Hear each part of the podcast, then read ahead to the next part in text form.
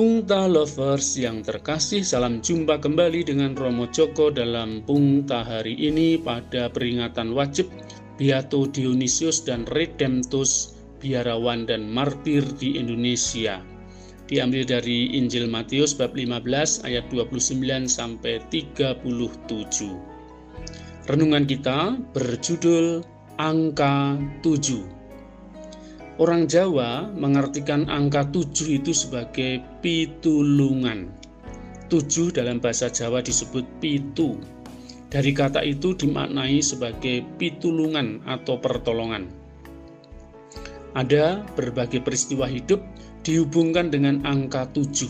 Misalnya, orang bersyukur atas kehamilan dirayakan pada tujuh bulannya atau mitoni anak yang berusia tujuh bulan diberi upacara tedak siteng atau turun tanah pertama. Lalu juga ada upacara tujuh hari untuk orang yang sudah meninggal. Selamatan atau didoakan pada hari ketujuh.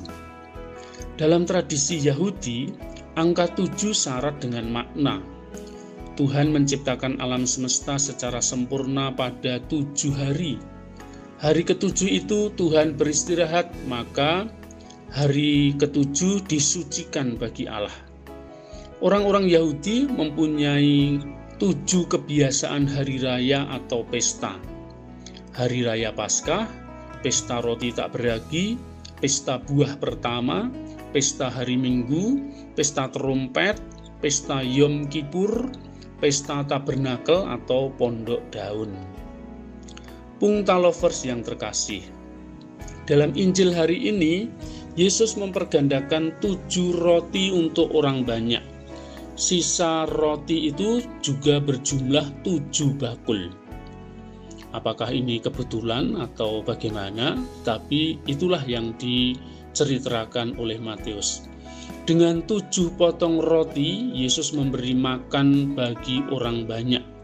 Selain merasakan mukjizat tujuh roti, mereka juga mengalami disembuhkan dari berbagai penyakit. Dalam gereja Katolik, angka tujuh melambangkan sakramen-sakramen gereja, sakramen baptis, ekaristi, krisma, tobat, perkawinan, imamat, dan sakramen pengurapan orang sakit. Sakramen-sakramen itu adalah tanda dan sarana Allah yang berbelas kasih kepada manusia. Melalui sakramen-sakramen itu Allah ingin hadir menyelamatkan kita. Puncak dari seluruh sakramen itu adalah Ekaristi, pemberian diri Yesus yang penuh. Sebagaimana Yesus mengambil tujuh roti itu, lalu ia mengucap syukur, membagi-bagikannya kepada orang banyak, Demikian juga kematiannya di salib adalah pemberian hidup Yesus yang berkorban agar manusia selamat. Ekaristi adalah sakramen yang menghadirkan pengorbanan Yesus di kayu salib dan kebangkitannya dari kematian.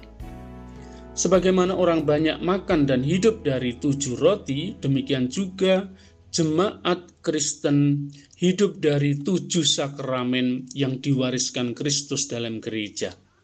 Tujuh sakramen itu disalurkan kepada kita agar manusia memperoleh kepenuhan hidupnya. Saudara-saudari terkasih, sudahkah Anda menghayati sakramen-sakramen gereja sebagai berkat yang menyelamatkan? Bagaimana Anda menghidupi diri Anda dari sakramen-sakramen yang telah Anda terima?